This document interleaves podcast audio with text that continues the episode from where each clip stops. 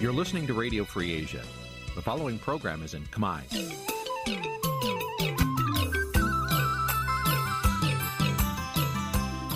Nǐ chi càm bi tiệp xáy vệt chiu a zì sáy.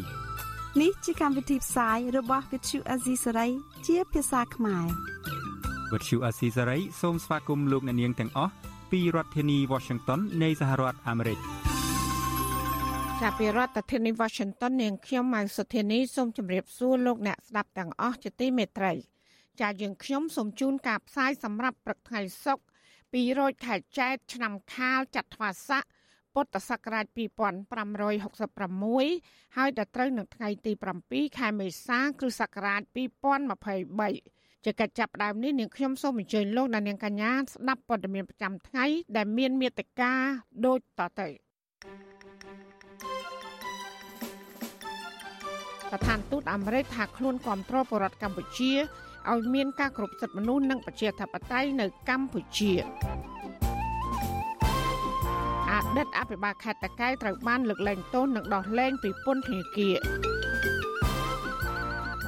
ក្រសួងមហាផ្ទៃត្រៀមកម្លាំងសមត្ថកិច្ចប្រមាណ100000នាក់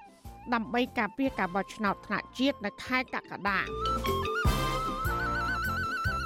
ក្រុមគឧតកោ Nagavel រិគុណថកែក្រុមហ៊ុន ថាបានបរិច្ចាគប្រាក់1លានដុល្លារដល់កាកបាទក្រហមក៏ប៉ុន្តែមិនដោះស្រាយវិវាទការងាររួមនឹងព័ត៌មាន សំខាន់សំខាន់មួយចំនួនទៀតចាត់ជាបន្តទៅទៀតនេះនាងខ្ញុំម៉ៅសុធានីសូមជូនព័ត៌មានទាំងនោះពឺស្ដាប់ចាលោកនាងជាទីមេត្រីស្ថានទូតអាមេរិកថាខ្លួនមិនជ្រើសរើសគ្រប់គ្រងជនណាស្ថាប័នណាឬក៏បកនយោបាយណាឡើយ ក៏ប៉ុន្តែស្ថានទូតគ្រប់គ្រងបរដ្ឋកម្ពុជា ការគោរពសិទ្ធិមនុស្សនិងប្រជាធិបតេយ្យនៅកម្ពុជា ការអះអាងរបស់ស្ថានទូតសហរដ្ឋអាមេរិកប្រចាំនៅកម្ពុជាបែបនេះ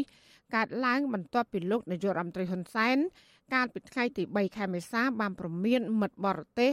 ដោយមិនចំពោះមុខទៅលើប្រទេសណាមួយឲ្យជ្រើសរើសរវាងរដ្ឋាភិបាលកម្ពុជា និងក្រុមអ្នកប្រឆាំងលោកហ៊ុនសែនថែមទាំងជំរុញឲ្យបរទេស ផ្ដាច់ចំណងការទូតពីកម្ពុជាថែមទៀតផងជាពីរដ្ឋធានី Washington អ្នកស្រីសុជីវីរាយការណ៍ព័ត៌មាននេះបន្ថែមពីលើការបញ្ជាក់ជំហរគាំទ្រប្រជាពលរដ្ឋកម្ពុជា ការគោរពសិទ្ធិមនុស្សនិងប្រជាធិបតេយ្យនៅកម្ពុជានេះស្ថានទូតសហរដ្ឋអាមេរិកអះអាងជាថ្មីថាស្នូលនៃគោលនយោបាយការបរទេសរបស់សហរដ្ឋអាមេរិកទាំងនៅកម្ពុជា និងជុំវិញពិភពលោក គឺផ្សព្វផ្សាយប្រជាធិបតេយ្យនិងការគោរពសិទ្ធិមនុស្ស អ្នកនាំពាក្យស្ថានទូតសហរដ្ឋអាមេរិកប្រចាំនៅក្រុងភ្នំពេញអ្នកស្រី Stephanie Azad ប្រាប់វិទ្យុ Azizi Serai តាមសារអេឡិចត្រូនិកកាលពីថ្ងៃទី6ខែមេសាម្សិលមិញថាសហរដ្ឋអាមេរិកមិនគាំទ្របុគ្គលស្ថាប័នឬគណៈបកនយោបាយណាមួយឡើយសហរដ្ឋអាមេរិកគាំទ្រប្រជាពលរដ្ឋនិងបំណងប្រាថ្នាប្រកបដោយនិរន្តរភាពសម្រាប់ប្រជាធិបតេយ្យពហុបកដែលរួមបញ្ចូលពីគ្រប់ភាគី ឬមិនទុកនរណាចោល ដោយការពារសិទ្ធិមនុស្សដោយដែលមានចែងនៅក្នុងរដ្ឋធម្មនុញ្ញកម្ពុជា។ការបញ្ជាក់ជំហររបស់ស្ថានទូតអាមេរិកនេះជាការឆ្លើយតបទៅនឹងលោកយមត្រីហ៊ុនសែនដែលបានព្រមានជាសាធារណៈឲ្យមិត្តភ័ក្តិបរទេសឬស្ថានទូតបរទេសជ្រើសរើសរវាងរដ្ឋាភិបាល និងក្រុមអ្នកប្រឆាំងរដ្ឋាភិបាល ក្នុងនោះលោកក៏ជំរុញឲ្យបរទេសផ្ដាច់ចំណងការទូតពីកម្ពុជា ប្រសិនបើពួកគេជ្រើសរើសយកក្រុមប្រឆាំង ដែលលោកហៅថាក្រុមភៀតតិចនិងជាអ្នកមានទោសហើយមិត្តភ័ក្តិបរទេសឥឡូវជ្រើសរើសជ្រើសរើសប្រទេសកម្ពុជាឬជ្រើសរើសបុគ្គលមួយក្រុមដែលប្រព្រឹត្តខុសសូមឲ្យបរទេសធ្វើការជ្រើសរើសទៅបើខ្លួនត្រូវការមនុស្សដែលច្បាប់បានដាក់ទោសខ្លួនធ្វើទៅណា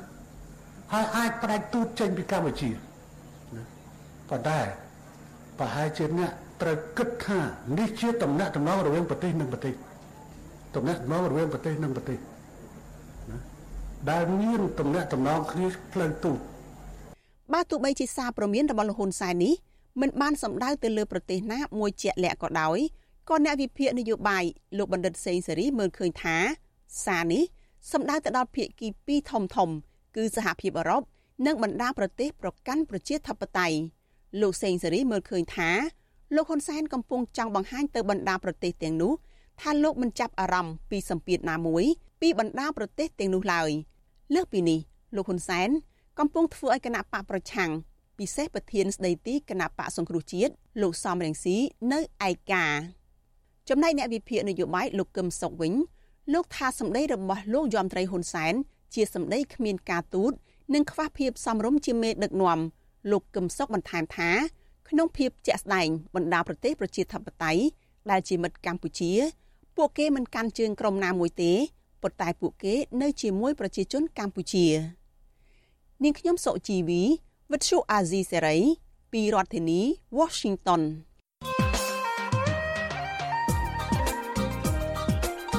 ាលោកនាយកជាទីមេត្រីលោកហ៊ុនសែនតែងចោទក្រមនិយមប្រជាធិបតេយ្យរួមមានគណៈបពប្រឆាំងស្ថាប័នសារព័ត៌មានឯករាជ្យ និងអង្គការសង្គមស៊ីវិលជាដើមថាជាអ្នកញុះញង់ឲ្យមានបដិវត្តពណ៌នៅកម្ពុជាក៏ប៉ុន្តែនៅទីបំផុត អ្នកដែលជំរុញឲ្យមានបដិវត្តពណ៌នៅកម្ពុជានោះគឺជាមនុស្សដែលនៅជុំវិញខ្លួនលោកហ៊ុនសែនទៅវិញសោះក្នុងខណៈដែលក្រុមពួកអ្នកមានខ្លះចាប់ផ្ដើមបែងចែកពីបុគ្គលិកលក្ខណៈនិងទម្លាប់ខុសគ្នារវាងអ្នកមាននិងអ្នកក្រនោះប្រជាប្រដ្ឋក៏នាំគ្នាបញ្ចេញមតិតបតយ៉ាងកក្រឹកកក្រែក សូម្បីតែមនុស្សដែលស្និទ្ធនឹងលោកហ៊ុនសែនក៏បាននាំគ្នាចែកចាយរឿងនេះភ្លុកទឹកភ្លុកដីផងដែរប្រការនេះហើយបានធ្វើឲ្យលោកហ៊ុនសែនជ្រួលច្របល់រួចក៏បញ្ញាបញ្ញាចេញសារផ្ទួនផ្ទួន ដោយហាមឈប់ឲ្យនិយាយពីអ្នកមាននិងអ្នកក្រជាបន្តទៀតតើនេះអាចជាប្រផ្នូលអាក្រក់សម្រាប់លោកហ៊ុនសែនឬក៏យ៉ាងណាបើគ្រាន់តែចេញបំរាមមិនឲ្យមានការបែងចែករវាងអ្នកមាននិងអ្នកក្រនោះ តើអាចបញ្ចប់គម្លាតរវាងអ្នកមាននិងអ្នកក្របានដែរឬក៏យ៉ាងណាចាលោកជុនច័ន្ទបុតនិងសម្រាប់ពំរួននេតិវេទិកាអ្នកស្ដាប់វត្ថុអសីសេរីជំវិញបញ្ហានេះនៅយប់ថ្ងៃសុក្រនេះទី7ខែមេសាចាប់ប្រសិនមកលោកណានៀងចង់បញ្ចេញមតិយោបល់ឬក៏ចង់សាកសួរវាគ្មិនរបស់យើងចាលោកណានៀងអាចដាក់លេខទូរស័ព្ទរបស់លោកអ្នកនៅក្នុងខ្ទង់ comment Facebook និង YouTube របស់វិទ្យុអសីសេរី ក្រុមការងាររបស់យើងនឹងហៅទៅលោកណានៀងវិញចាសសូមអរគុណ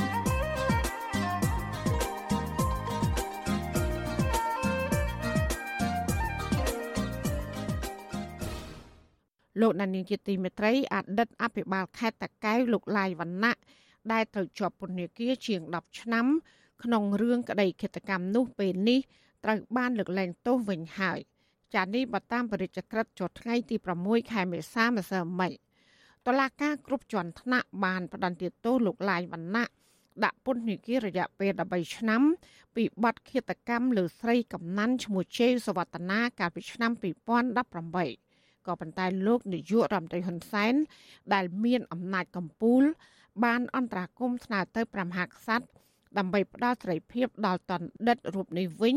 ខុសផ្ទុយពីសកម្មជននយោបាយនិងអ្នកទោសមនសិការជាង70នាក់ ដែលកំពុងជាប់ឃុំព្រោះការអនុវត្តសិទ្ធិសេរីភាពរបស់ខ្លួនស្របតាមច្បាប់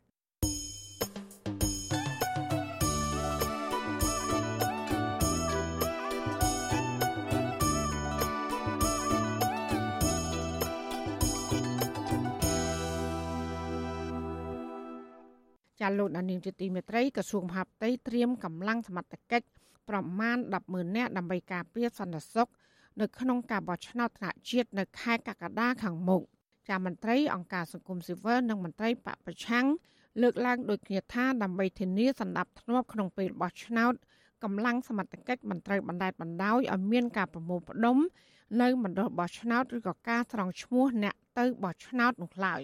។ចាលោកនៅវណ្ណរិននៃការជំវិញព័ត៌មាននេះ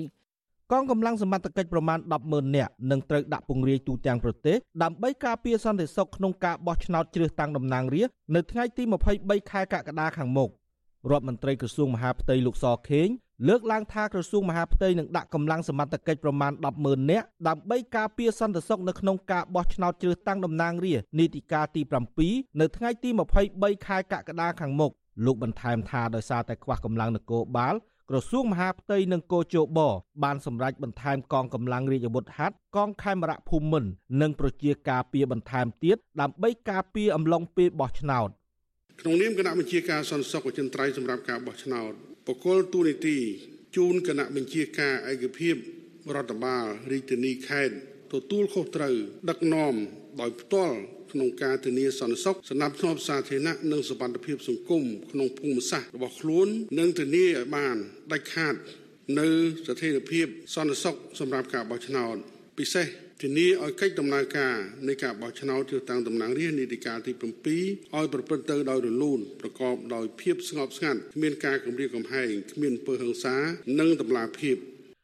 សេចក្តីប្រកាសនេះធ្វើឡើងនៅក្នុងកិច្ចប្រជុំផ្សព្វផ្សាយខ្លឹមសារនៃសេចក្តីណែនាំរួមស្តីពីសកម្មភាពនឹងការរៀបចំការងារនិងការរៀបចំភ្នាក់ងារសន្តិសុខបោះឆ្នោតក្នុងយុទ្ធនាការការពារដំណើរការបោះឆ្នោតជ្រើសតាំងតំណាងរាស្ត្រដែលបានធ្វើឡើងនៅថ្ងៃទី6ខែមេសាឆ្នាំ2023នៅរាជធានីភ្នំពេញក្នុងកិច្ចប្រជុំនោះនាយកប្រតិបត្តិអង្គការឃ្លាំមើលការបោះឆ្នោតនៅកម្ពុជាហៅកាត់ថា Netflix លោកសំគុណធីមី គាំទ្រចំពោះការបង្កើនចំនួនកម្លាំងសមត្ថកិច្ចដើម្បីការពារសន្តិសុខក្នុងការបោះឆ្នោតព្រោះមណ្ឌលបោះឆ្នោតទូទាំងប្រទេសបានកើនឡើងរហូតទៅដល់20000ទីតាំងផងដែរទោះជាយ៉ាងណាលោកក៏ស្នើឲ្យកងកម្លាំងមានសមត្ថកិច្ចពង្រឹងសន្តិភាពឲ្យកាន់តែល្អជាងការបោះឆ្នោតអាណត្តិមុនដោយមិនត្រូវឲ្យមានការប្រមូលផ្ដុំក្នុងមណ្ឌលបោះឆ្នោតនោះឡើយលោកសំគុណធីមីបន្តថាសមត្ថកិច្ចក៏ត្រូវហាមឃាត់កុំឲ្យមានការកត់ឈ្មោះអ្នកដែលទៅចូលរួមបោះឆ្នោតផងដែរ ព្រោះសកម្មភាពទាំងនេះធ្វើឲ្យអ្នកចូលរួមការបោះឆ្នោតទាំងនោះមានការភ័យខ្លាចធ្វើមិនក៏ដោយអត់មានសមត្ថភាពល្អក្នុងរបបឆ្នោតនីមួយៗកុំឲ្យមនុស្សដែលអត់មានភារកិច្ចគេចិត្តបោះឆ្នោតឲ្យប្រមូលផ្ដុំតាមមណ្ឌលការបោះឆ្នោតមួយមួយដែលអត់មានភារកិច្ចក៏អត់មានតែការទៅបោះឆ្នោតឲ្យក៏អញ្ជើញទៅផ្ទះអញ្ចឹងមកក្នុងសំណពរប៉ុណ្ណឹង ក្រសួងមហាផ្ទៃបង្កើនចំនួនកងកម្លាំងសមត្ថកិច្ចប្រមាណ20000នាក់ដើម្បីការពារសុវត្ថិភាពក្នុងការបោះឆ្នោតថ្នាក់ជាតិក្នុងឆ្នាំ2023នេះគណៈការបោះឆ្នោតថ្នាក់ជាតិកាលពីឆ្នាំ2018ក្រសួងមហាផ្ទៃបានដាក់ពង្រាយកម្លាំងសមត្ថកិច្ចត្រឹមប្រមាណ80000នាក់តែប៉ុណ្ណោះ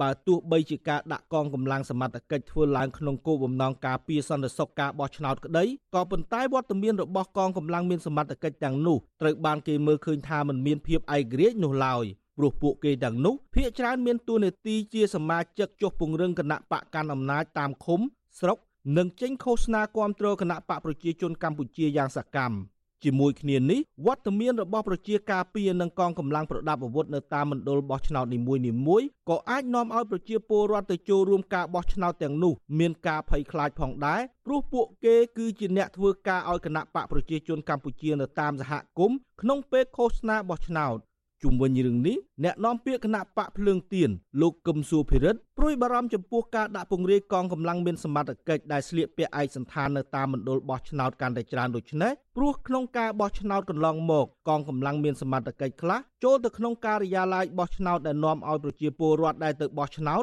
មានការភ័យខ្លាច លោកបន្តថាដើម្បីលើកកម្ពស់ភាពត្រឹមត្រូវក្នុងពេលរាប់សន្លឹកឆ្នោតកម្លាំងសមត្ថកិច្ចក៏ត្រូវជំរុញឲ្យមានប្រជាពលរដ្ឋចូលរួមតាមដានដំណើរការរាប់សន្លឹកឆ្នោតផងដែរ។ប្រ ជាការពារគឺជាអ្នកដែលនៅផ្ទាល់ជាមួយប្រជាពលរដ្ឋអញ្ចឹងប្រជាពលរដ្ឋគាត់ខ្លាចដល់អាណាពីថាការបោះឆ្នោតរបស់គាត់មិនប្រព្រឹត្តទៅដោយអារម្មណ៍ច្បាប់គឺយើងចាត់ទុកថាមិនសេរីមិនត្រឹមត្រូវទេពីព្រោះអីស្ថិតនៅក្នុងសម្ពាធអ្វីមួយដែលគាត់ពិបាកក្នុងការធ្វើការរដ្ឋចិត្តអញ្ចឹងខ្ញុំសូមពៀនេះប៉ុណ្្នឹងឯងបើថាប្រើប្រាស់ប្រើប្រាស់កម្លាំងពលីសទៅហើយបើថាគ្រប់គ្រាន់អាចជាកម្លាំងស្ពានអីចឹងប៉ុន្តែគ្រាន់តែថាដាក់ធ្វើម៉េចឲ្យវានៅឆ្ងាយពីមណ្ឌលរបស់ឆ្នោតហ្នឹងកំកម្រិតដែលគេបានកំណត់នៅក្នុងច្បាប់ ក្រៅពីត្រៀមកម្លាំងមានសមត្ថកិច្ចដើម្បីការពារសន្តិសុខអំឡុងពេលបោះឆ្នោតក្រសួងមហាផ្ទៃក៏បានត្រៀមកម្លាំងអន្តរាគមន៍នៅនឹងកន្លែងកងកម្លាំងការពារយុទ្ធនាការឃោសនាបោះឆ្នោតកងកម្លាំងការពារពេលរាប់សន្លឹកឆ្នោតរួមទាំងដឹកជញ្ជូនសន្លឹកឆ្នោតផងដែរ បើទោះជាវត្តមានកងកម្លាំងមានសមត្ថកិច្ចទាំងនោះធ្វើឡើងនៅក្នុងគោលបំណងការពារសម្ដាប់ធ្នាប់នៅក្នុងការបោះឆ្នោតយ៉ាងណាក្តីក៏ប៉ុន្តែប្រជាពលរដ្ឋដែលទៅចូលរួមការបោះឆ្នោតនៅតែមានភាពភ័យខ្លាចក្នុងការបោះឆ្នោតឲ្យគណៈបកនយោបាយដែលខ្លួនពេញចិត្តម្យ៉ាងទៀតពួកគាត់យល់ថាការដាក់ពង្រាយកងកម្លាំងទាំងនេះអាចជារូបភាពគម្រាមកំហែងពលរដ្ឋច្រើនជាងការការពារសន្តិសុខនិងសន្តិភាពនៅថ្ងៃបោះឆ្នោតខ្ញុំបាទនៅវណ្ណរិន with Chu Azizi ពីរដ្ឋធានី Washington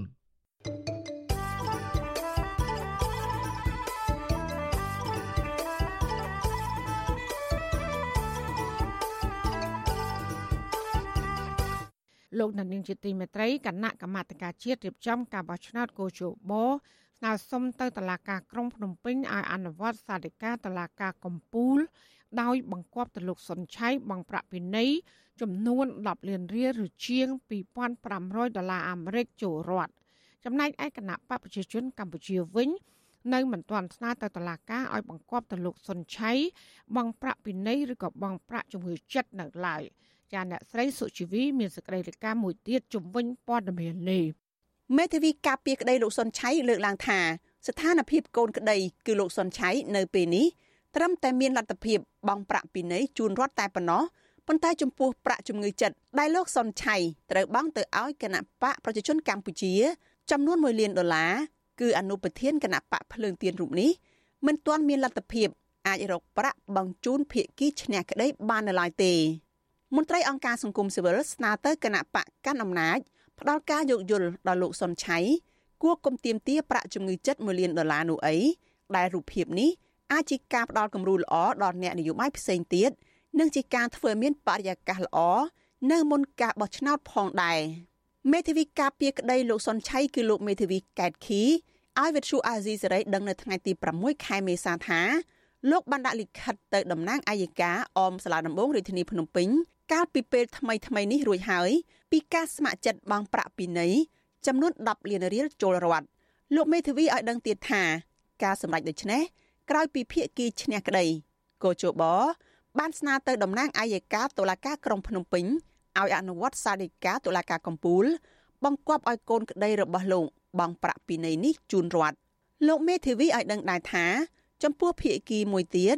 គឺគណៈបកប្រជាជនកម្ពុជា នៅរក្សាភាពស្ងៀមស្ងាត់នៅឡើយ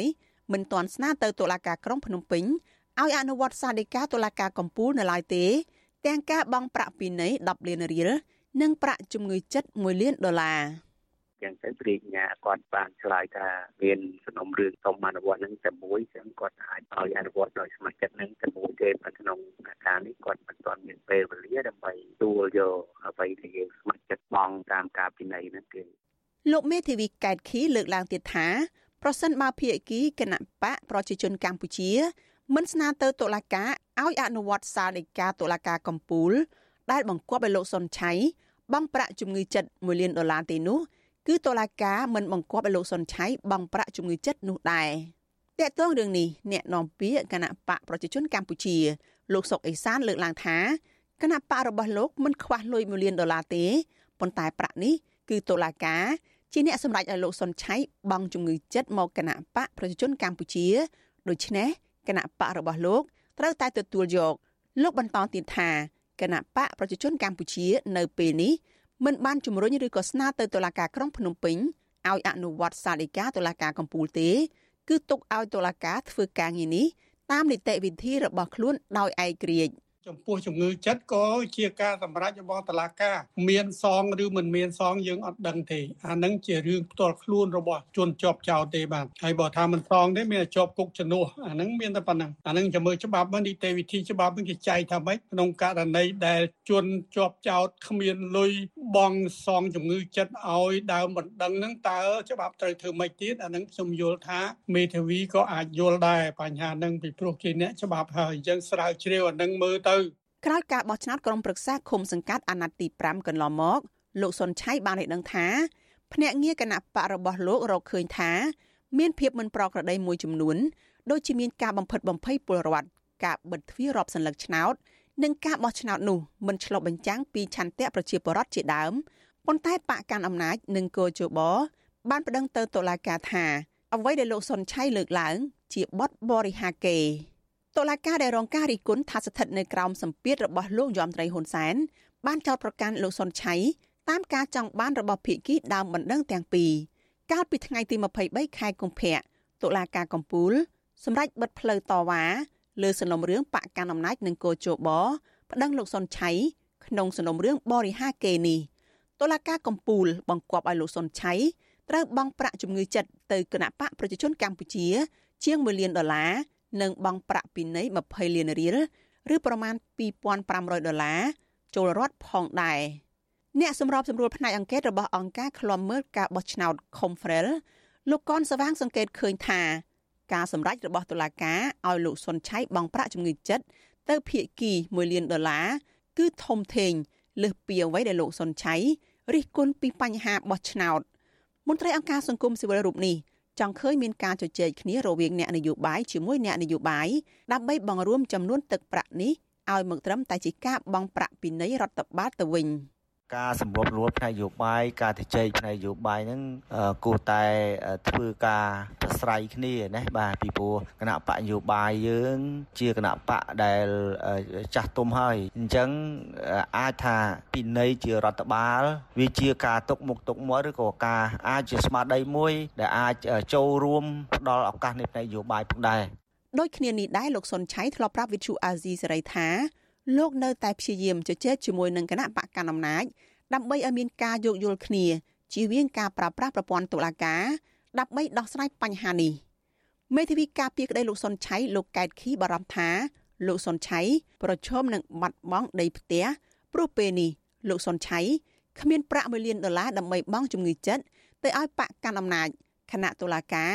បានចេញដីការរឹបអូសជាបណ្ដោះអាសន្ននៅដីនឹងផ្ទះរបស់លោកសុនឆៃចំនួន2កន្លែង គឺនៅភ្នំពេញនិងនៅខេត្តសៀមរាបដើម្បីត្រៀមទុកសងគណៈបកប្រជាជនកម្ពុជានោះរួចហើយប្រសិនបើតំណាងអัยការសាលាដំបងរាជធានីភ្នំពេញបង្គាប់ឲ្យលោកសុនឆៃអនុវត្តសាលដីកាតុលាការកំពូល លោកសុនឆៃ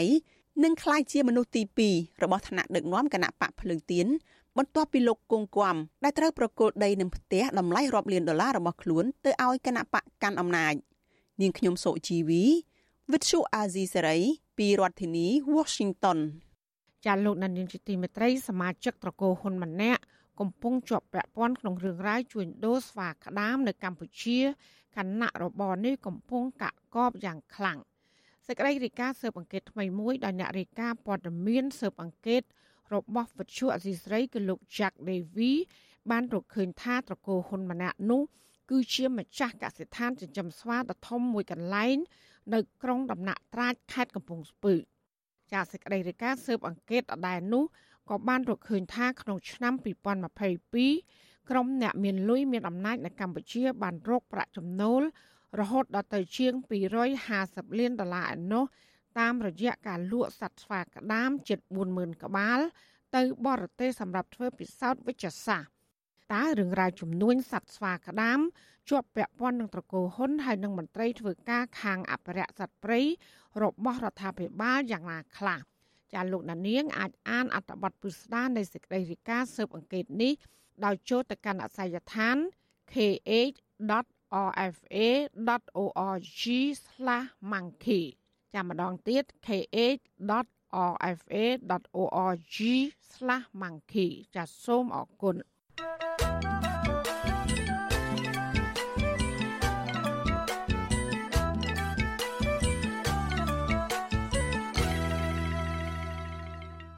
ចាលោកដានៀងកញ្ញាកំពុងស្ដាប់ការផ្សាយរបស់វិទ្យុអសីស្រីផ្សាយចេញពីរដ្ឋធានី Washington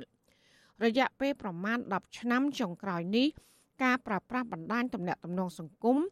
មានការកើនឡើងជាបន្តបន្ទាប់ទាំងក្រុមអ្នកនយោបាយអ្នកជំនួញនិងអ្នកប្រើប្រាស់ដើម្បីកំសាន្តតើអ្នកខ្លំមើលការអភិវឌ្ឍសង្គមមានអនុសាសន៍អ្វីខ្លះដល់អ្នកប្រើប្រាស់បណ្ដាញសង្គម ចាសសេចក្តីរាយការណ៍ពីស្ដាមពីរឿងនេះលោកណានៀងនឹងបានស្ដាប់នាពេលបន្តិចទៀតនេះ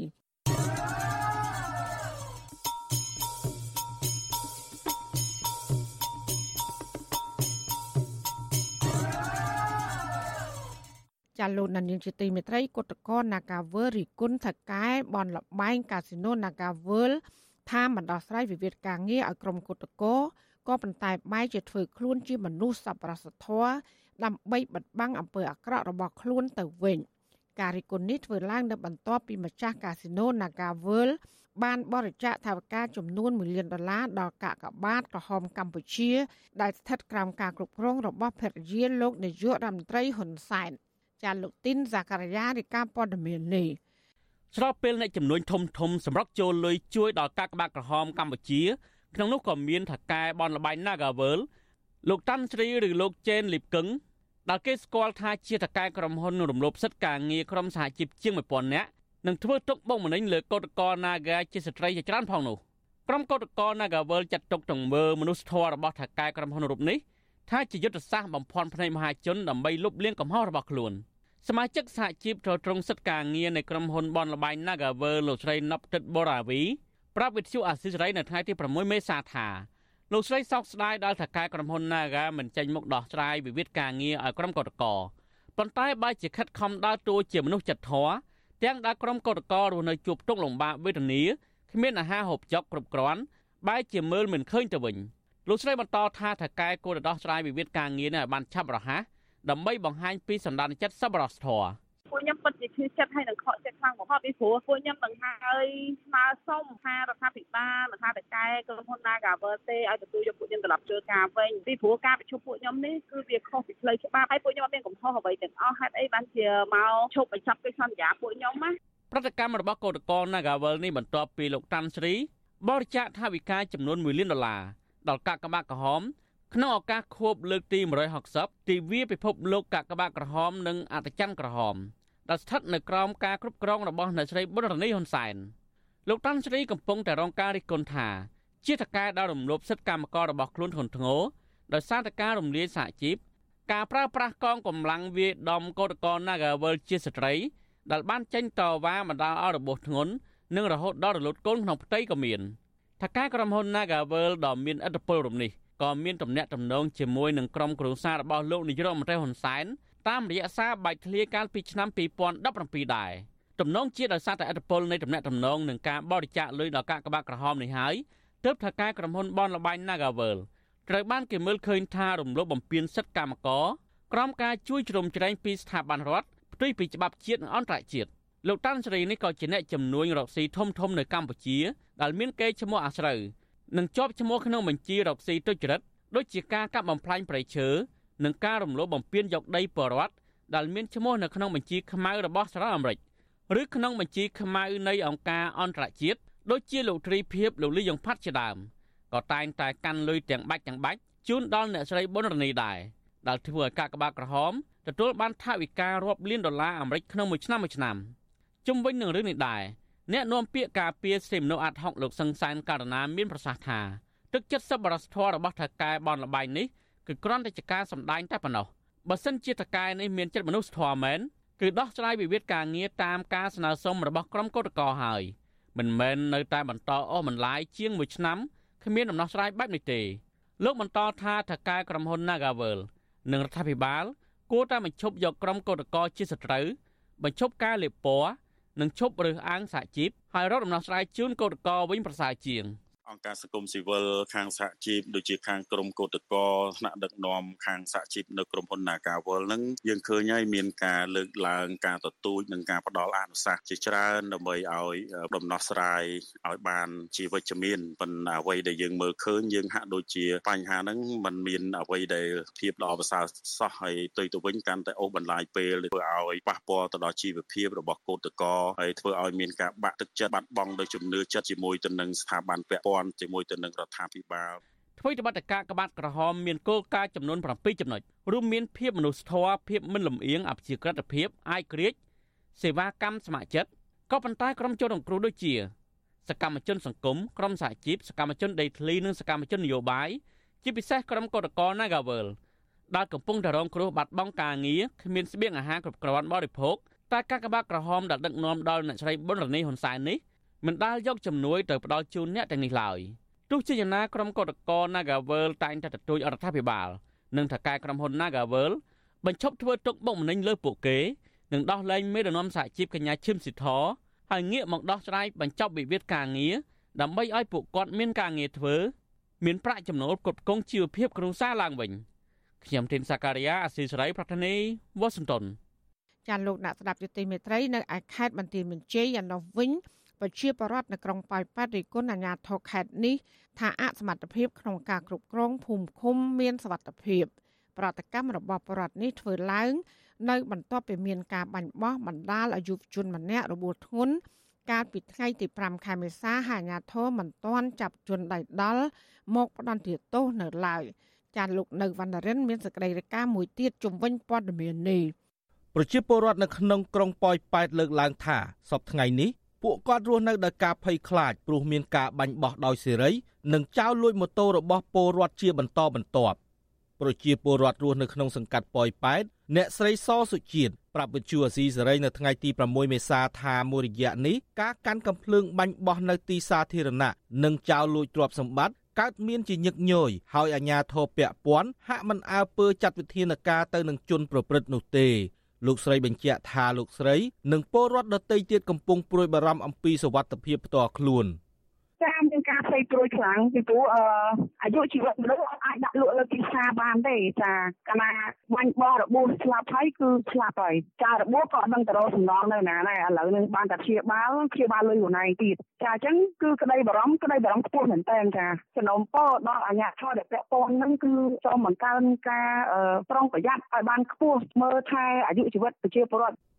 ស្រដៀងគ្នានេះដែរពលរដ្ឋនៅក្នុងក្រុងប៉ោយប៉ែតម្នាក់ទៀតលោកឆេងប៊ុនហាក់ ថ្លែងថាការរស់នៅសប្តាហ៍ថ្ងៃនេះពលរដ្ឋហាក់គ្មានសុវត្ថិភាពនោះទេដោយសារតែមនុស្សមួយចំនួនកាន់កំភ្លើងបាញ់បោះនិងមានករណីចោរលួចម៉ូតូតាមផ្ទះតែងតែកើតមានឡើងជាញឹកញាប់នៅតំបន់ព្រំដែនក្រុងប៉ោយប៉ែតលោកមើលឃើញថាបញ្ហានេះកើតមានឡើងដោយសារការអនុវត្តច្បាប់របស់អាជ្ញាធរមានការធូររលុងដល់ទៅពេលឃើញមានការបាញ់បោះអីចេះវាជាការមួយផិតភ័យដល់ប្រជាពលរដ្ឋមិនថាខ្ញុំមិនថាគេវាមានការផិតភ័យដែរដោយសារតា អសន្តិសុខក្នុងឃុំសង្កាត់របស់យើងហ៎បងអញ្ចឹងយើងស្នើទៅអាជ្ញាធរហើយនឹងភូមិឃុំដែលមានសវត្ថភាពហ្នឹងសូមឲ្យមានការអនុវត្តច្បាប់ឲ្យបានតឹងរឹងដើម្បីសវត្ថភាពប្រជាពលរដ្ឋទាំងអស់គ្នាបងប្រជាពលរដ្ឋទាំងនោះសំណូមពរដល់អាជ្ញាធរពាក់ព័ន្ធឲ្យដាក់ពង្រាយកងកម្លាំងយាមកាមនៅមូលដ្ឋានឲ្យបានជាប់ជាប្រចាំដើម្បីរក្សាសន្តិសុខសង្គម។ ការលើកឡើងរបស់ពលរដ្ឋទាំងនេះកើតមានបន្ទាប់ពីខ្មាន់កំភ្លើងបានបាញ់កំភ្លើងខ្លីពីរគ្រាប់ត្រូវចង្កេះយុវជនម្នាក់ដែលកំពុងជិះម៉ូតូនៅក្នុងសង្កាត់ផ្សារកណ្ដាលបណ្ដាលឲ្យរបួសធ្ងន់កាលពីព្រឹកថ្ងៃទី5មេសាហើយមកដល់ពេលនេះសមត្ថកិច្ចមិនទាន់ចាប់ជនដៃដល់មកផ្ដន់ទោសបាននៅឡើយទេប្រជាពលរដ្ឋឲ្យដឹងថាកាលពីចុងឆ្នាំ2022មានករណីបាញ់បោះចំនួន2លើកនៅក្នុងក្រុងប៉ោយប៉ែត ហើយកាលពីយប់ថ្ងៃទី5មេសាក៏មានករណីប្លន់ម៉ូតូមួយគ្រឿងនៅសង្កាត់ប៉ោយប៉ែតដែរវិទ្យុអាស៊ីសេរីមិនអាចតាក់ទងស្នងការនគរបាលខេត្តបន្ទាយមានជ័យលោកសិតឡោះនិងអធិការរងនគរបាលក្រុងប៉ោយប៉ែតលោកព្រំពិសិដ្ឋដើម្បីសុំការអធិប្បាយជុំវិញការបាញ់បោះនេះបាននៅឡើយនោះទេនៅថ្ងៃទី6មេសាដោយទូរស័ព្ទចូលច្រើនដងពុំមានអ្នកទទួល ក៏ប៉ុន្តែចៅសង្កាត់ផ្សារកណ្ដាលលោកស្រិលអិនប្រាប់វិទ្យុអាស៊ីសេរីយ៉ាងខ្លីថាករណីបាញ់បោះនៅសង្កាត់ផ្សារកណ្ដាលពិតជាមានកើតឡើងពិតប្រាកដមែនហើយសមត្ថកិច្ចកំពុងស្រាវជ្រាវលើបញ្ហានេះគាត់ដឹងឮតែក្រោយរួចហើយបានដឹងជំនាញប៉ូលីសជាអ្នកស្រាវជ្រាវរកមុខសញ្ញាឬសង្កាត់មិនទាន់ដឹងថាមុខសញ្ញាយ៉ាងម៉េចផង កន្លងទៅរដ្ឋមន្ត្រីក្រសួងមហាផ្ទៃលោកសខេងឲ្យដឹងថានៅក្នុងឆ្នាំ2022រដ្ឋាភិបាលបានដាក់ចេញនិងអនុវត្តយុទ្ធនាការប្រតិបត្តិការព្រមគ្នាដើម្បីបង្កើនការប្រយុទ្ធប្រឆាំងគ្រប់ទម្រង់នៃអំពើជួញដូរមនុស្សជួញដូរពលកម្មនិងអាជីវកម្មផ្លូវភេទប្រតិបត្តិការបង្ក្រាបលបែងស៊ីសងខុសច្បាប់គ្រប់ប្រភេទ ការបន្តអនុវត្តយុទ្ធនាការប្រឆាំងគ្រឿងញៀនខុសច្បាប់ក្រុមក្មេងទំនើងតាមសហគមន៍រួមទាំងបទល្មើសផ្សេងទៀតហើយការអនុវត្តធ្វើឡើងយ៉ាងផុសផុលនិងសម្រេចបានលទ្ធផលគួរឲ្យកត់សម្គាល់ទោះជាយ៉ាងណាប្រធានសមាគមពង្រឹងសេដ្ឋកិច្ចក្រៅប្រព័ន្ធលោកដិនពុទ្ធីក៏សម្គាល់ឃើញថាបញ្ហាអសន្តិសុខនៅតំបន់ព្រំដែនកើតមានឡើងដោយសារតែតំបន់នោះសម្បូរទៅដោយកាស៊ីណូនិងល្បែងស៊ីសងខុសច្បាប់ស្របពេលដែលអាជ្ញាធរអនុវត្តច្បាប់មានការធូររលុង អាគ្រប់ទូនាទីនេះវាផ្សេងប៉ុន្តែគាត់ថាមិនដឹងមានមានអីនៅពីក្រោយខ្នង វាខ្លាចតែអ្នកមានអំណាចហ្នឹងវាមិនគោរពទូនាទីហ្នឹងវាទៅជាយកទូនាទីទៅប្រើប្រាស់កាងអ្នកខលខូចទៅវិញដើម្បីបានលុយកាក់ហ្នឹងគឺជាអំពើពុករលួយប៉ុន្តែគាត់ថាអំពើពុករលួយហ្នឹងគឺយើងអត់មើលអត់ដឹងដោយសារតែមានអំពើពុករលួយជាប្រព័ន្ធហ្នឹងហើយតែធ្វើឲ្យមានអំពើអនាចារហើយវាទៅជាអត់មានគុំគុំមានសវត្ថភាពបន្តទៀតទេព្រោះដោយសារតែមន្ត្រីអនុវត្តច្បាប់ហ្នឹងបែរទៅយកអំណាចរបស់ខ្លួនទៅកាងដើម្បីផលប្រយោជន៍ផ្ទាល់ខ្លួនអីចឹងទៅមន្ត្រីសង្គមស៊ីវិលរូបនេះលើកឡើងបន្តទៀតថាដើម្បីដោះស្រាយបញ្ហាអាជ្ញាធរពាក់ព័ន្ធគួរតែរឹតបន្តឹងការអនុវត្តច្បាប់ឲ្យបានតឹងរឹងនិងបិទបនលបែងស៊ីសងខុសច្បាប់ទាំងអស់លោកបញ្ជាក់ថាប្រសិនបើអាជ្ញាធរមិនដោះស្រាយបញ្ហាទាំងនេះឲ្យមានប្រសិទ្ធភាពនោះទេនឹងធ្វើឲ្យពលរដ្ឋរស់នៅតំបន់ព្រំដែនថៃមួយនេះកាន់តែរងគ្រោះដោយសារតែការបាញ់បោះដោយសេរីនិងរស់នៅដោយការភ័យខ្លាចបន្តទៀត។ ខ្ញុំបាទនៅវណ្ណរិន with Chu Azizi Saray ពីរដ្ឋធានី Washington ចាលោកនាងកញ្ញាកំពុងស្ដាប់ការផ្សាយរបស់វិទ្យុអសីស្រីផ្សាយចេញពីរដ្ឋធានី Washington ដំណើរគ្នានឹងស្ដាប់ការផ្សាយរបស់វិទ្យុអសីស្រីតាមបណ្ដាញសង្គម Facebook និង YouTube លោកនាងកញ្ញាក៏អាចស្ដាប់ការផ្សាយរបស់វិទ្យុអសីស្រីតាមរលកធាតុអាកាសខ្លីឬ short wave តាមកម្រិតនិងកម្ពស់ដូចតទៅចាប់ពេលព្រឹកចាប់ពីម៉ោង5កន្លះដល់ម៉ោង6កន្លះតាមរយៈប៉ុស SW 12.14 MHz ស្មើនឹងកម្ពស់ 25m ចាប់ប៉ុស SW 13.71 MHz ស្មើនឹងកម្ពស់ 22m ចាសម្រាប់ពេលយប់វិញចាប់ពីម៉ោង7កន្លះដល់ម៉ោង8កន្លះ តាមរយៈប៉ុស SW 9.33 MHz ស្មើនឹងកម្ពស់ 32m ប៉ុស SW 11.88 MHz ស្មើនឹងកម្ពស់ 25m និងប៉ុស SW 12.14 MHz ស្មើនឹងកម្ពស់ 25m ចាសសូមអរគុណចាលោកដានីជាទីមេត្រីពីប្រទេសថៃអនុវិញ ពលករខ្មែរមួយចំនួនធ្វើការនៅប្រទេសថៃសម្រាប់ចិត្តមិនត្រឡប់មកលេងបុណ្យចូលឆ្នាំខ្មែរនៅស្រុកកំណើតដោយសារតែគ្មានលុយសម្រាប់ធ្វើដំណើរចំណែកឯពលករខ្មែរខ្លះទៀតដែលពុំមានលិខិតឆ្លងដែនវិញគឺរឹតតែពិបាកបើសិនជាចង់ត្រឡប់មកស្រុកវិញត្រូវចំណាយប្រាក់ច្រើនដើម្បីបង់ឲ្យសមត្ថកិច្ចនៅតាមច្រកព្រំដែនខ្មែរថៃចាននេះគឺជាសកម្មភាពរបស់លោកយ៉ងច័ន្ទរាជំវិញព័ត៌មាននេះ ពលករខ្មែរមួយចំនួនដែលធ្វើការនៅប្រទេសថៃត្អូញត្អែអំពីជីវភាពខ្វះខាត ដែលធ្វើឲ្យពួកគាត់ពុំមានលទ្ធភាពទៅលេងស្រុកកំណើតនៅពេលបុណ្យចូលឆ្នាំខ្មែរពលករខ្លះខកខានជួបជុំក្រុមគ្រួសារអស់រយៈពេល2ទៅ3ឆ្នាំមកហើយពីព្រោះពួកគាត់ពុំមានថវិកាសម្រាប់ធ្វើដំណើរពលករខ្មែរម្នាក់ដែលមកធ្វើការនៅប្រទេសថៃជិត10ឆ្នាំលោកស្រីវ៉ាន់ផានី ជាអ្នកខេត្តបន្ទាយមានជ័យប្រាប់វិទ្យុអាស៊ីសេរីនៅថ្ងៃទី4ខែមេសាថា លោកស្រីនិងបងប្អូនចំនួន5នាក់មិនបានទៅលេងបុណ្យចូលឆ្នាំខ្មែរនោះទេដោយសារតែពុំមានថវិកា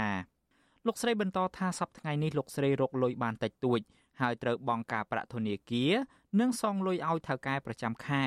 ដោយសារតែលោកស្រីខ្ចីលុយទាំងនោះយកមកធ្វើលិខិតឆ្លងដែនមកធ្វើការនៅប្រទេសថៃពលករផ្នែកសំណង់រូបនេះបន្ថែមថាលោកស្រីខកខានមកលេងបុណ្យចូលឆ្នាំខ្មែររយៈពេល2ឆ្នាំមកហើយដោយសារតែពុំមានលុយគ្រប់គ្រាន់។ មានលុយមែនអើយលុយឡៃទៅសងប៉ាសពើបាទអើយទីគិនអើគេកាត់ប៉ាសពើកាត់អើយអស់ក៏មានលុយយកពីណាទៅធ្វើប៉ាសពើគេកាត់គេកាត់ឡើងទៅចាំមើលតបើឆ្នាំទៅមិញកំបានទៅឆ្នាំឆ្នាំនេះកំបានទៅអត់ស្រដៀងគ្នានេះដែរពលករម្នាក់ទៀតលោកស្រីជឿនសុជាជាអ្នកខេត្តឧត្តរមានជ័យលើកឡើងថាលោកស្រីនិងកូនពីរនាក់មិនបានទៅលេងចូលឆ្នាំទេដោយសារតែលោកស្រីជំពាក់លុយធនាគារជាង10000ដុល្លារដូច្នេះលោកស្រីនិងកូន ត្រូវប្រឹងប្រែងរកលុយសងបំណុលគេលោកស្រីបន្ថែមថាលោកស្រីអាណិតកូនកូន ដែលចង់ទៅលេងស្រុកកំណើតក៏ប៉ុន្តែពុំមានថវិកាសម្រាប់ធ្វើដំណើរជីវភាពយើងខ្វះខាតដែលយើងជំពាក់គេណាដូចថាយើងធ្វើផ្ទះក៏យកប្រាក់អង្ការទូក៏មនុស្សធ្វើដោះគីខ្ញុំមានលុយមកដល់កូនគិតម៉ែមួយនេះហើយក៏កូនគិតធំទូក៏មកពលករឲ្យដឹងថាការធ្វើដំណើរទៅលេងស្រុកកំណើតនៅពេលបុណ្យចូលឆ្នាំខ្មែរ ពួកគាត់ចំណាយអស់លុយជាច្រើនហើយពួកគាត់ត្រូវបង់ឲ្យសមត្ថកិច្ចប្រចាំនៅតំបន់ព្រំដែនម្នាក់ជាង200បាតឬស្មើនឹងជាង20000រៀលចំណែកឯពលករខ្លះទៀតដែលពុំមានលិខិតឆ្លងដែនពួកគាត់ត្រូវបង់ប្រាក់ឲ្យទៅសមត្ថកិច្ចនៅព្រំដែនខ្មែរថៃនៅក្នុងម្នាក់ជាង1000បាតស្មើនឹងជិត120,000រៀលវិទ្យុអាស៊ីសេរីមិនអាចតាក់ទងរដ្ឋលេខាធិការក្រសួងកាងារលោកហេងសួរនិងមន្ត្រីស្ថានទូតខ្មែរប្រចាំនៅទីក្រុងបាងកក ដើម្បីសុំអត្ថាធិប្បាយជុំវិញបញ្ហានេះបានទេ នៅថ្ងៃទី4ខែមេសាដោយទូរស័ព្ទហៅចូលតែពុំមានអ្នកទទួលជុំវិញរឿងនេះមន្ត្រីផ្នែកអន្តរប្រវេសន៍ប្រចាំប្រទេសថៃនៃអង្គការសង្ត្រាល់លោកលឹងសុផុនក៏សម្គាល់ថាពលករខ្មែរមួយចំនួនត្អូញត្អែអំពីការចំណាយច្រើនលើការធ្វើដំណើរទៅលេងស្រុកកំណើតដោយសារតែមន្ត្រីនៃច្រកទ្វារព្រំដែនមួយចំនួនតម្រូវឲ្យពួកគាត់បង់ប្រាក់ជាពិសេសអ្នកដែលគ្មានលិខិតឆ្លងដែន សំណុំពរឲ្យខាងរដ្ឋាភិបាលដែលជាស្ថាប័នពាក់ព័ន្ធហ្នឹងជួយមើលការខុសត្រូវកន្លែងហ្នឹងផងពីព្រោះតាមព្រំដែនកន្លងមកហ្នឹងឃើញថាប្រជាពលរដ្ឋខ្មែរយើងដែលគាត់ចេញចូលទៅតាមព្រំដែនហ្នឹងមានការត្អូញត្អែច្រើនណាស់ដោយសារតាចេញចូលមកចូលក៏ថ្លៃចេញក៏ថ្លៃអីចឹងណាតែការចំណាយទៅលើការចេញចូលអញ្ចឹងហើយមានការយកលុយច្រើនអញ្ចឹងទៅសម្រាប់បងប្អូនប្រជាពលរដ្ឋខ្មែរណាគាត់ចេញចូលមកក្នុងប្រទេសថៃ តាមការប៉ាន់ស្មានរបស់អង្គការសង្ត្រាល់ពលករខ្មែរដែលកំពុងតែធ្វើការនៅប្រទេសថៃ មានប្រមាណ2លាននាក់រាប់ទាំងពលករស្របច្បាប់និងមិនស្របច្បាប់អ្នកខ្លំមើលបញ្ហាសិទ្ធិពលករនៅប្រទេសថៃឲ្យដឹងថាមានពលករខ្មែរជាច្រើនក្រុមនៅក្នុងប្រទេសថៃ បានដាច់ស្បៀងនិងអត់ការងារធ្វើដោយសារតែពុំមានឯកសារត្រឹមត្រូវសម្រាប់ធ្វើការងារមិនតែប៉ុណ្ណោះពួកគាត់មួយចំនួនក៏ត្រូវបានមេខ្យល់ឬក៏ថៅកែជនជាតិថៃ បោកប្រាស់កម្លាំងពលកម្មថែមទៀតផង បញ្ហាទាំងនេះធ្វើឲ្យពលករខ្មែរទាំងនោះប្រឹងត្រដររស់នៅដោយវេទនាហើយដល់ពេលរដូវបុណ្យទានម្ដងម្ដងពួកគាត់ពុំសូវមានឱកាសបានត្រឡប់ទៅជួបជុំក្រុមគ្រួសារនៅឯស្រុកកំណើតនោះឡើយខ្ញុំយ៉ងច័ន្ទដារាវិទ្យុអាស៊ីសេ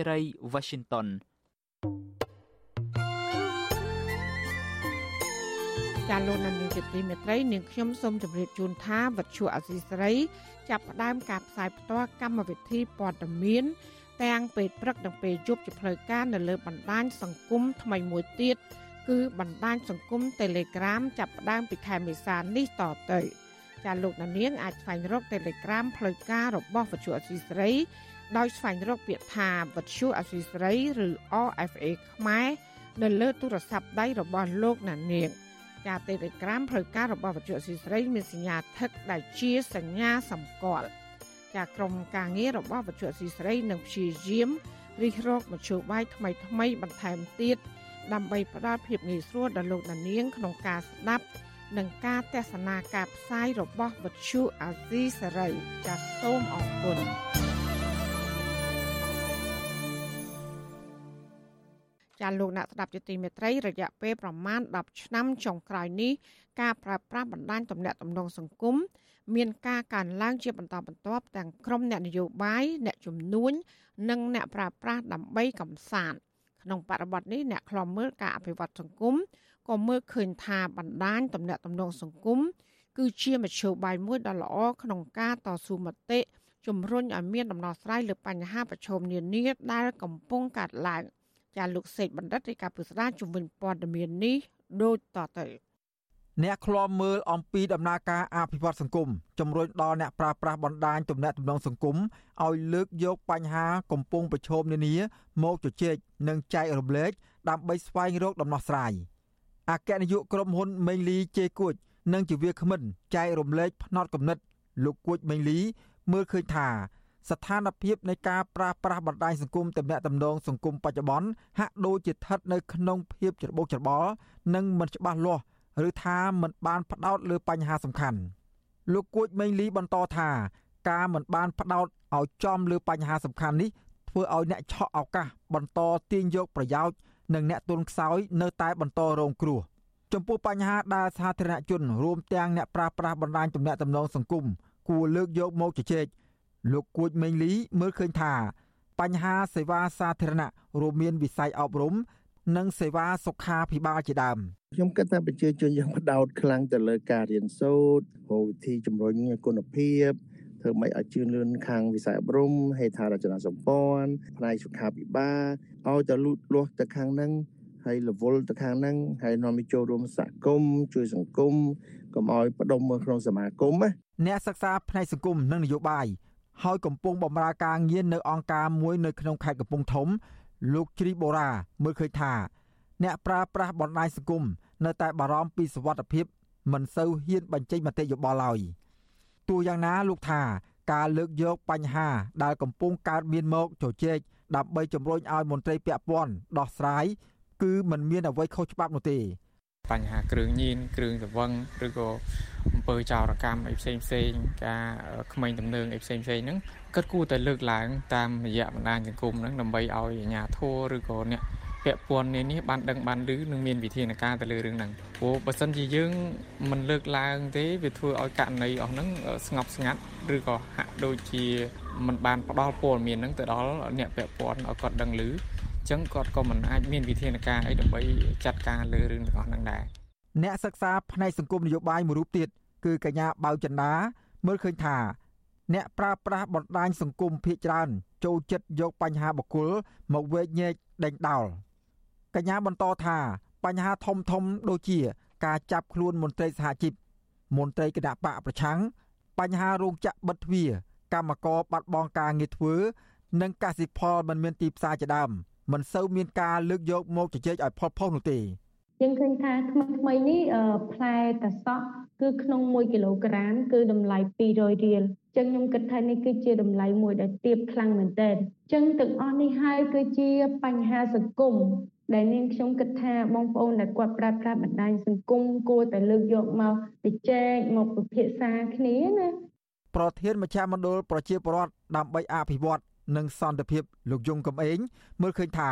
សម័យកាលរីកចម្រើននេះ គឺពលរដ្ឋងាយស្រួលក្នុងការបញ្ចេញមតិយោបល់ដើម្បីឆ្លុះបញ្ចាំងពីភាពខ្វះចន្លោះក្នុងសង្គម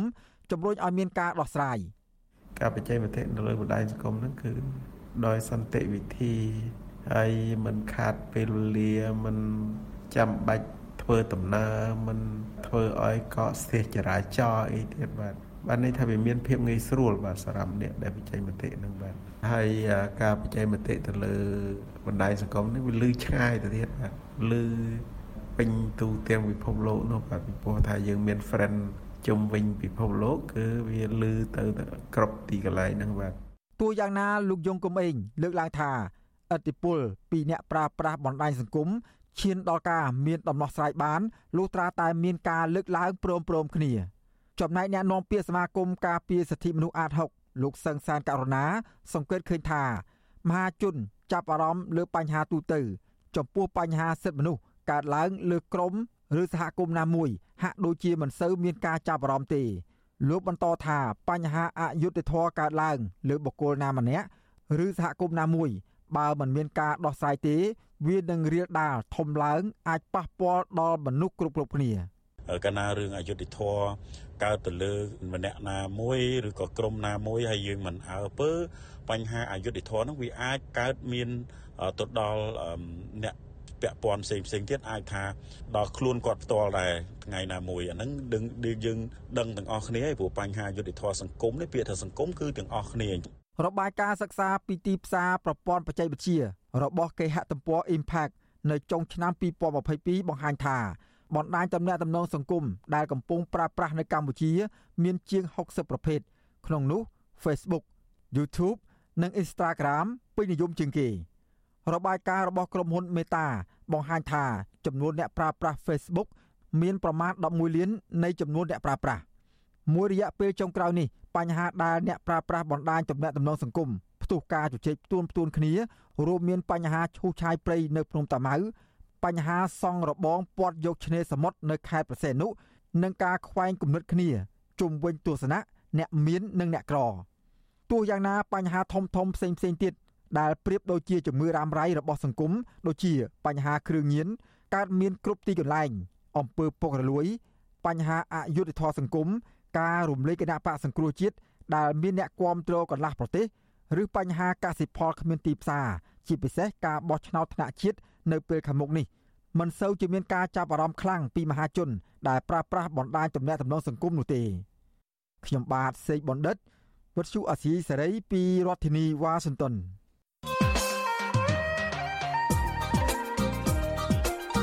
ាលោកនាយកជាទីមេត្រីលោកហ៊ុនសែនតែងចោទក្រមនិយមប្រជាធិបតេយ្យរួមមានគណៈបពប្រឆាំងស្ថាប័នសារព័ត៌មានឯករាជ្យ និងអង្គការសង្គមស៊ីវិលជាដើមថាជាអ្នកញុះញង់ឲ្យមានបដិវត្តពណ៌នៅកម្ពុជាក៏ប៉ុន្តែនៅទីបំផុត អ្នកដែលជំរុញឲ្យមានបដិវត្តពណ៌នៅកម្ពុជានោះគឺជាមនុស្សដែលនៅជុំវិញខ្លួនលោកហ៊ុនសែនទៅវិញសោះ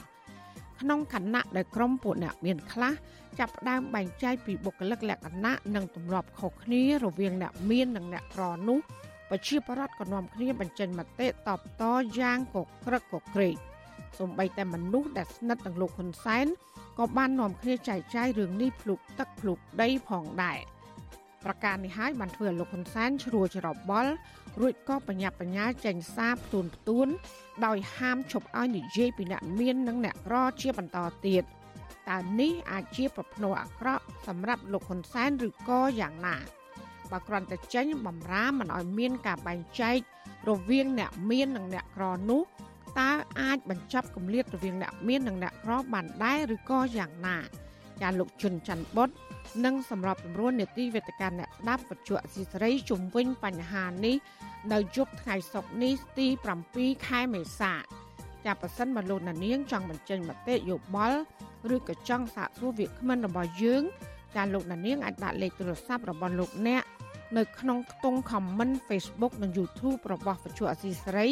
ក្រុមការងាររបស់យើងនឹងហៅទៅលោកណានៀងវិញចាសសូមអរគុណ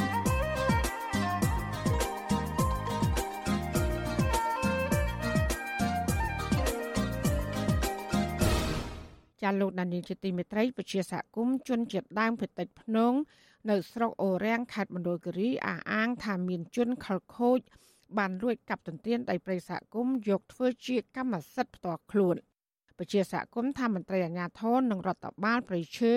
មិនបានចាត់វិធានការតាមផ្លូវច្បាប់ទៅលើជនខលខូចទាំងនោះទេស្របពេលដែលសហគមន៍បានដាក់បណ្ដឹងទៅតុលាការជាច្រើនលើកមកហើយ។ចាអ្នកស្រីស្ងួនអមរាមានសេចក្តីរាយការណ៍ពុស្ដាជំវិញព័ត៌មាននេះ ប្រជាសហគមន៍ជនជាតិភៀតតិចភ្នងបានប្រាប់វិទ្យុអាស៊ីសេរីឲ្យដឹងនៅថ្ងៃទី6ខែមេសាថាមានជនខិលខូចបានលួចកាប់ទន្ទ្រានដីព្រៃរបស់សហគមន៍ការពារព្រៃឈើចរាតាប់ស្ថិតនៅភូមិពូត្រែងឃុំដាក់ដាំស្រុកអូរាំងខេត្តមណ្ឌលគិរីជាច្រើនហិកតា ប្រជាសហគមន៍អះអាងថាពួកគេបានដាក់បណ្ដឹងទៅអាជ្ញាធរភូមិឃុំ និងមន្ត្រីរដ្ឋបាលប្រៃឈើរួមទាំងតុលាការប៉ុន្តែមិនឃើញមានចំណាត់ការទៅលើអ្នកកាប់ទន្ទ្រានដីទាំងនោះឡើយសហគមន៍បន្ថែមថាការកាប់ទន្ទ្រានដីព្រៃនេះមន្ត្រីរដ្ឋបាលប្រៃឈើខេត្តមណ្ឌលគិរីបានចុះសិក្សាស្រាវជ្រាវចំនួន3ដងហើយនៅតែពុំឃើញមានចំណាត់នឹងការទប់ស្កាត់នោះទេប្រជាសហគមន៍ជនជាតិភៀតតិចភ្នងលោកក្លាងខ្លះ បានប្រាប់ឲ្យដឹងថាព្រៃសហគមន៍ការពារចរាតាប់កំពុងតែរងការកាប់ទន្ទ្រានព្រៃយកដីធ្វើជាកម្មសិទ្ធិជាច្រើនកន្លែង ហើយមន្ត្រីជំនាញបានចោះស្រាវជ្រាវជាច្រើនសារប៉ុន្តែសកម្មភាពលួចកាប់ទន្ទ្រាននៅតែបន្តកើតមាន ដោយមិនឃើញមានចំណាត់ការតឹងរឹងពីមន្ត្រីអាជ្ញាធរទាំងអស់នៅឡើយទេលោកបន្ថែមថាព្រៃសហគមន៍មួយនេះជាកន្លែងគោរពបូជា និងជាព្រៃជំនឿរបស់សហគមន៍ជនជាតិដើមភាគតិចភ្នងរស់នៅតំបន់នោះ ខ្ញុំប្តឹងម្ដងហ្នឹងអាញាធរភូមិហ្នឹងដឹងដឹងទៅតឡាការដែលអត់ជួយទប់ស្កាត់ព្រៃឈើ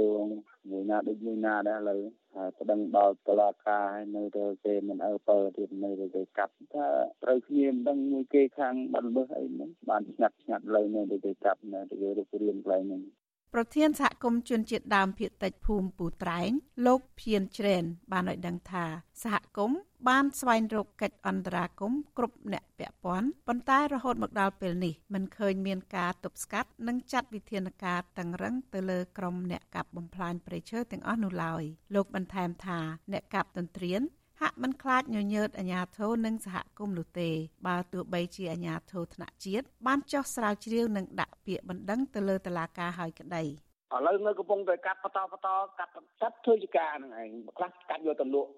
បាទពួកខ្ញុំគាត់អត់ខ្លាចទេអញ្ចឹងបើខ្ញុំពឹងពាក្យទៅលើមន្ត្រីជំនាញឲ្យគាត់ចុះទៅធ្វើការគាត់ឥឡូវគឺគ្រាកាត់គាត់គាត់ថាគាត់ថាបាទបាទបាទតែឥឡូវគាត់កំពុងតែកាត់ទៀតលោកអំពីវិនិយោគឲ្យអាជ្ញាធរគ្រប់ជាន់ថ្នាក់ត្រូវចាត់វិធានការឲ្យបានម៉ឺងម៉ាត់ចំពោះជនដែលបានកាប់បំផ្លាញព្រៃឈើដោយខុសច្បាប់និងជួយទប់ស្កាត់កុំឲ្យមានការទន្ទ្រានយកដីបែបនេះតទៅទៀតបើពុំដូច្នោះទេព្រៃសហគមន៍ការពារចរាតាប់និងរលាយឆាប់ឆាប់ខាងមុខ វិទ្យុអាស៊ីសេរីមិនអាចសុំការបំភ្លឺពីអ្នកនាំពាក្យសាលាខេត្តមណ្ឌលគិរីលោកនាងវណ្ណៈនិងនាយកខណ្ឌរដ្ឋបាលព្រៃឈើខេត្តមណ្ឌលគិរីលោកអ៊ុំវ៉ាន់សុភ័ក្របាននោះទេ ដោយទូរស័ព្ទចូលគ្មានអ្នកទទួលជុំវិញរឿងនេះមន្ត្រីសម្របសម្រួលសមាគមអាត6ខេត្តមណ្ឌលគិរីលោកប៊ីវ៉ានី សង្កេតឃើញថាបញ្ហាកាប់បំផ្លាញព្រៃឈើនិងការកាប់ទន្ទ្រានដីព្រៃយកធ្វើជាកម្មសិទ្ធិនៅតែជាកង្វល់របស់ប្រជាសហគមន៍ការពារព្រៃឈើដោយសារមន្ត្រីអនុវត្តច្បាប់មិនបានយកចិត្តទុកដាក់ក្នុងការអនុវត្តច្បាប់ទៅលើជនដែលប្រព្រឹត្តបទល្មើសដាក់ពាក្យប្តឹងទៅភូមិទៅឃុំរហូតដល់ខណ្ឌរបបព្រៃឈើរហូតដល់ទៅដល់តុលាការប៉ុន្តែយើងឃើញថាជនប្រព្រឹត្តដូចជាមិនខ្លាចនឹងច្បាប់គាត់នៅតែធ្វើ សកម្មភាពកាប់ទន្ទ្រានតទៀតពិសេសគឺកាប់ទន្ទ្រានបានហើយលូឲ្យឈ្មួញហើយការលូឲ្យឈ្មួញហ្នឹងពេលខ្លះមានការសញ្ញេឬក៏ការចុះហត្ថលេខាពីមេភូមិមេឃុំទៅទៀតអានេះដែលយើងឃើញមន្ត្រីអង្គការសង្គមស៊ីវិលរូបនេះលើកឡើងទៀតថាប្រជាសហគមន៍ ដែលដាក់ពាក្យបណ្ដឹងទៅតុលាការតែងតែរងការគំរាមកំហែងពីជនល្មើសនិងអាជ្ញាធរមូលដ្ឋានរូបភាពទាំងនេះកំពុងតែដើរផ្ទុយពីច្បាប់រដ្ឋធម្មនុញ្ញប្រជាពលរដ្ឋគ្រប់រូបមានកាតព្វកិច្ចចូលរួមការពារទ្រព្យសម្បត្តិរបស់ជាតិប្រជាសហគមន៍ជនជាតិដើមភាគតិចភ្នងឃុំដាក់ដាំខេត្តមណ្ឌលគិរីស្នើឲ្យអាជ្ញាធរសមត្ថកិច្ចដែលជាប់ពាក់ព័ន្ធជួយទប់ស្កាត់បទល្មើសព្រៃឈើនិងការកាប់ទន្ទ្រានដីព្រៃយកធ្វើជាកម្មសិទ្ធិព្រមទាំងចាត់វិធានការឲ្យបានតឹងរឹងទៅលើជនដែលបានប្រព្រឹត្តព្រៃសហគមន៍ការពារចរាតាប់មានទំហំ2000ហិកតាស្ថិតនៅភូមិពូត្រែងឃុំដាក់ដាំស្រុកអូរាំងខេត្តមណ្ឌលគិរីព្រៃនេះសម្បូរដោយជីវៈចម្រុះដើមឈើធំដែលសហគមន៍អាស្រ័យផលគោរពបូជា និងជាព្រៃជំនឿរបស់សហគមន៍ជនជាតិដើមភាគតិចទៀតផង។ច្បាប់ស្ដីពីព្រៃឈើនិងច្បាប់ស្ដីពីតំបន់ការពារធម្មជាតិកំណត់ថាការកោះរុករានដីព្រៃឆ្កាដុតនិងឈូសឆាយដីព្រៃដើម្បីយកធ្វើជាកម្មសិទ្ធិគឺជាបទល្មើសអក្រិតដែលជនប្រព្រឹត្តល្មើសដែលត្រូវដាក់ពន្ធនាគារពី5ដល់10ឆ្នាំ និងទោសពិន័យជាប្រាក់ពី10លានរៀលទៅ150លានរៀលចំណែកមន្ត្រីពាក់ព័ន្ធណា ដែលមានការធ្វេសប្រហែសខ្វះការប្រុងប្រយ័ត្នឬមិនគោរពទៅតាមបទបញ្ញត្តិនៃច្បាប់នេះត្រូវទទួលទណ្ឌកម្មខាងវិន័យរដ្ឋបាលឬនឹងត្រូវចោទប្រកាន់ចំពោះមុខតុលាការហើយបើមន្ត្រីទាំងនោះ សំគំនិតនឹងអ្នកប្រព្រឹត្តបទល្មើសឬជួយសម្រួលការប្រព្រឹត្តបទល្មើសនេះពួកគេក៏ត្រូវផ្ដន្ទាទោសដោយជនប្រព្រឹត្តដែរនាងខ្ញុំស្ងួនអមរា Vichu Azisari ពីរដ្ឋធានី Washington thank you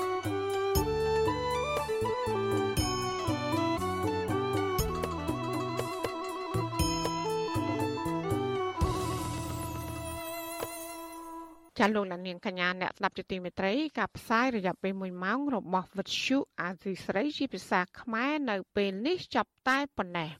ចាយើងខ្ញុំទាំងអស់គ្នាសូមជូនពរលោកលានាងនិងក្រុមគ្រួសារទាំងអស់សូមជួបប្រកបតែនឹងសេចក្តីសុខសេចក្តីចម្រើន ជានិរន្តរ៍ចានាងខ្ញុំម៉ៃសុធានីព្រមទាំងក្រុមការងារទាំងអស់របស់អាស៊ីស្រីសូមអរគុណនិងសូមជម្រាបលា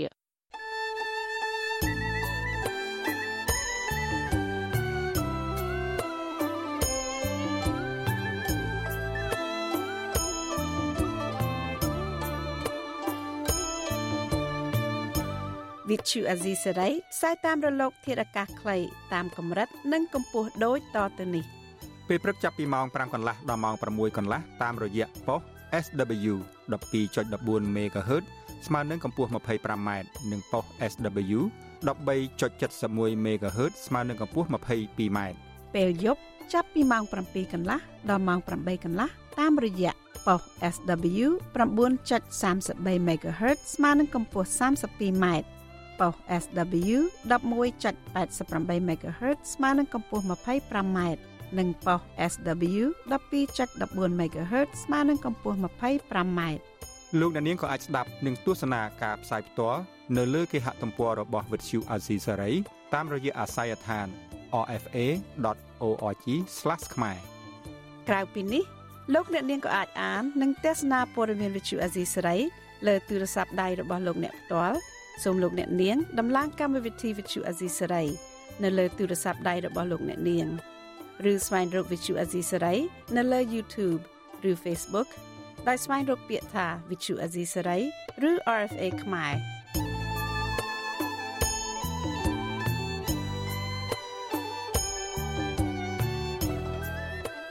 សូមលោកអ្នកនាងចុច like follow និងចុច subscribe ដើម្បីទទួលបានព័ត៌មានថ្មីៗទាន់ហេតុការណ៍ និងទស្សនាវីដេអូផ្សេងៗទៀតបានគ្រប់ពេលវេលា។